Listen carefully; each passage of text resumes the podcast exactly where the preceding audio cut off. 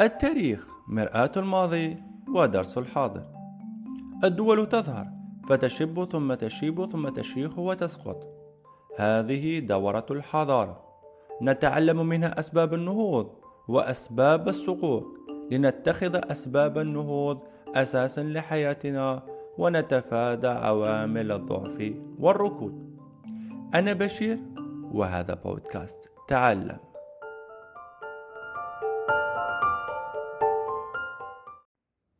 حلقة اليوم. ظهور استعمار الاتفاقيات في قارتي إفريقيا وآسيا وآليات التخلص منه.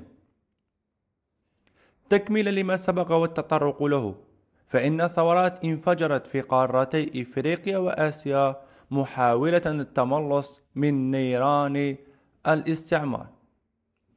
وقد ذكرنا نماذج عن أساليب المقاومة من مسلحة إلى سياسية وثقافية. في هذه الحلقة سنذكر بعض النماذج الأخرى لحركات التحرر لم نذكرها من قبل حيث نجد في آسيا الهند الصينية أي حاليا الفيتنام التي انتهجت الأسلوب السياسي والمتمثل في حزب فيت مينه بقيادة هوشيمينهو سنة 1941 كما اعتمدت أسلوب الكفاح المسلح حيث هزم الجنرال جياب فرنسا في موقعة ديان بيان فو في ماي 1954 ونجد أيضا في آسيا الهند والتي اعتمدت على أسلوب الكفاح السلمي كما ذكرنا سابقا والمتمثل في ثورة اللاعنف بقيادة المهاتما غاندي. كما نجد حزب الوطني الهندي وهو أسلوب سياسي ومن بين أهم الساسة في الهند نجد جواهر لال نهرو ومحمد علي جناح بالإضافة لغاندي. في إفريقيا نجد أبرز حركتين للتحرر وهما الجزائر بقيادتها الجماعية ضد فرنسا وكما رأينا سابقا فإن كل دول كانت لها قيادات فردية بينما في ثورة التحرير الوطني هي قيادة جماعية ضد المحتل الفرنسي الذي استعمل كل أساليب الهمجية لقمع الجزائريين وإسكاتهم ومحاولة تحويلهم عن دينهم وعن ثقافتهم.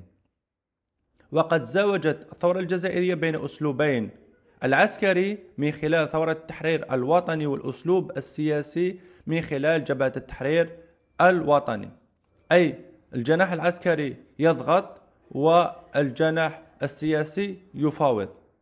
وكذلك الدبلوماسية الخارجية. نجد أيضا في إفريقيا حركة تحررية في مصر لكن من نوع آخر وهو انقلاب ضد نظام عميل اسمه أسرة الخديوي الموالية لبريطانيا.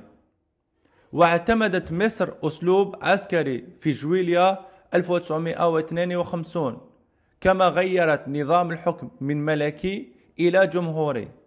واعتمدت أيضا أسلوب المقاومة الاقتصادية من خلال تأميم قناة السويس في جويليا 1956 وهناك قارة أخرى قادت حركة المقاومة قوية لم نذكرها أبدا وهي أمريكا الجنوبية أو ما يسمى أمريكا اللاتينية. فقد قادت كوبا مقاومة شديدة ضد الظالم نظام الظالم باتيستا عميل أمريكا وهو نظام عميل.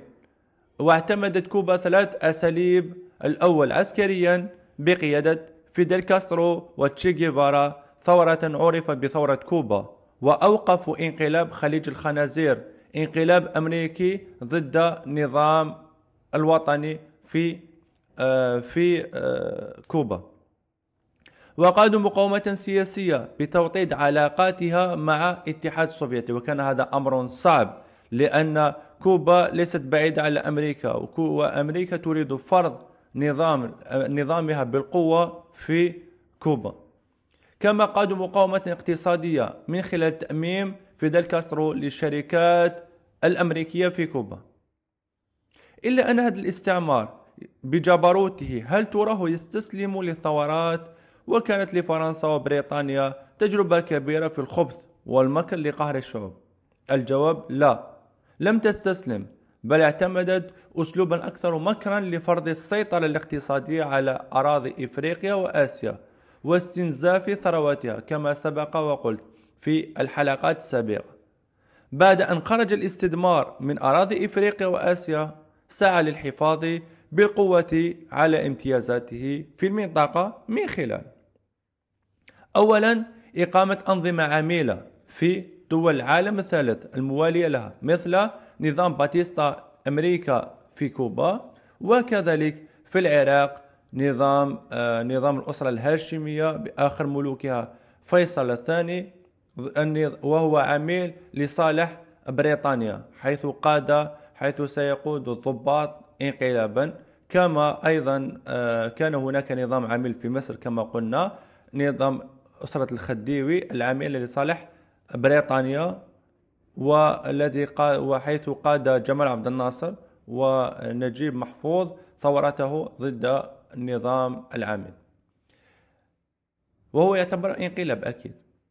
آه، لدينا آه، لدينا نقطة أخرى إثارة إثارة الأزمات وتغذية النزاعات والحروب الأهلية والإقليمية فيها. كما ذكرنا من قبل لدينا أزمة الكشمير بين الهند وباكستان فبعد خروج بريطانيا من الهند تركت هناك أزمة خطيرة حدودية بين باكستان والهند وكذلك أزمة إرتريا وإثيوبيا. لدينا أيضا ربط المستعمرات المستقلة باتفاقيات عرفت باتفاقية الاستقلال وهي اتفاقيات آه، بما أن فرنسا وبريطانيا لهم خبث في هذا المجال فإنهم يغيرون الاتفاقية كما يريدون دون أن يتفطن الجانب الجانب دول مستقلة حديثا.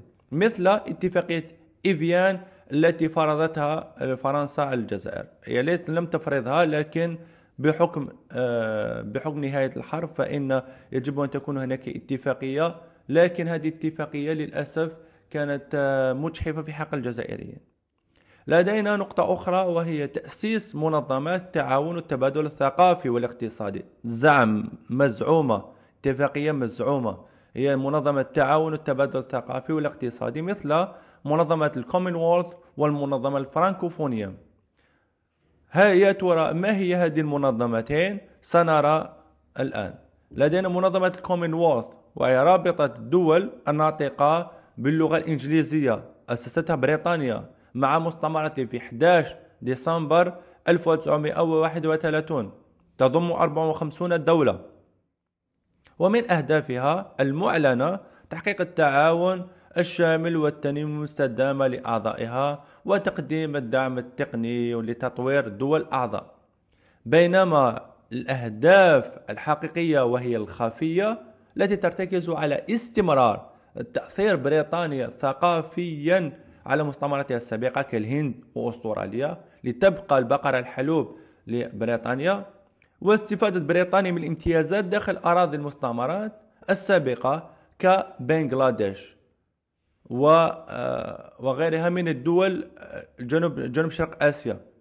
لأن كما تعلمون بأن الشركات الكبرى خاصة شركات الالبسه وغيرها تستثمر وليست تستثمر تستنزف اليد العاملة الرخيصة في تلك الدول كبنغلاديش مثلا. وتقاضي آه، عمالها باجر زهيد مقابل مجهود كبير وهذه ما تسمى براسماليه الجشعة.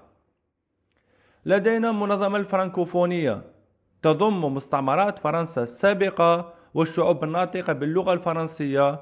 تأسست في 20 مارس 1970 عدد أعضائها 68 عضو.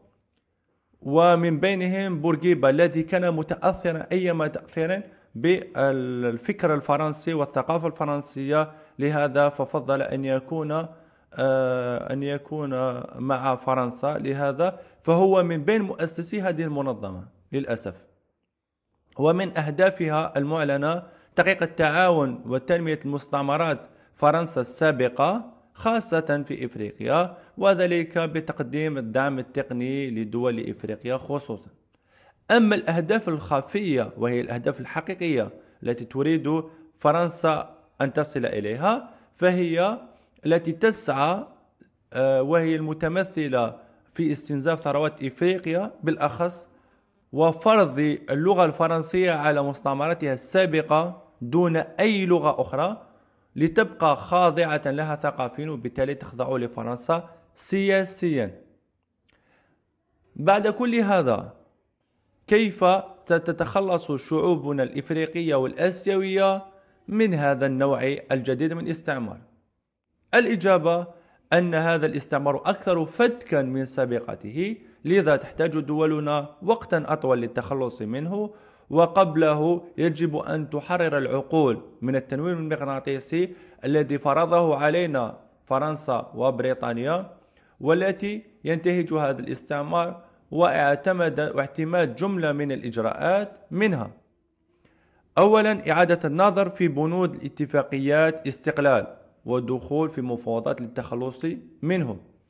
لدينا تعزيز الاستقلال السياسي بالاقتصادي من خلال سياسة التأميمات كما كما قامت أيضا الجزائر بتأميم البترول وكذلك المناجم والأراضي قامت مصر بتأميم قناة السويس الدعوة لإقامة نظام اقتصادي جديد وعادل. فقد قامت الجزائر في سنة في مؤتمر الرابع لحركة عدم الانحياز سنة 1973 بالدعوة لإقامة نظام متعدد الأقطاب وكل دولة تستفيد من ثرواتها لتحقق الاستقلال الاقتصادي المكمل للاستقلال السياسي.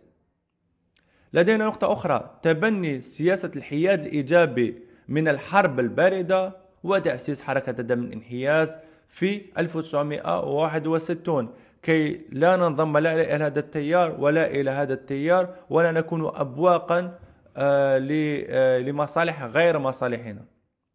لدينا نقطة أخرى التكتل في اتحادات إقليمية للتعاون في تحقيق التنمية. تأسيس لدينا أولا تأسيس مجموعة 77 لترقية التعاون الاقتصادي وهي موجودة حاليا. وكذلك تأسيس البنك الجديد للتنمية الموسوم باسم مجموعة البريكس وهو كذلك منظمة آه، منظمة منظمة تسعى لعدم الانحياز وهي منظمة تسعى لخلق نظام جديد اقتصادي جديد بعيد على اتفاقية بروتين وولز المتمثلة في آه، في آه، جعل الدولار عملة عالمية وهي أن كل دولة تفرض عملتها تفرض عملتها وتتداول عملتها كي تكون هناك موازنة عالمية.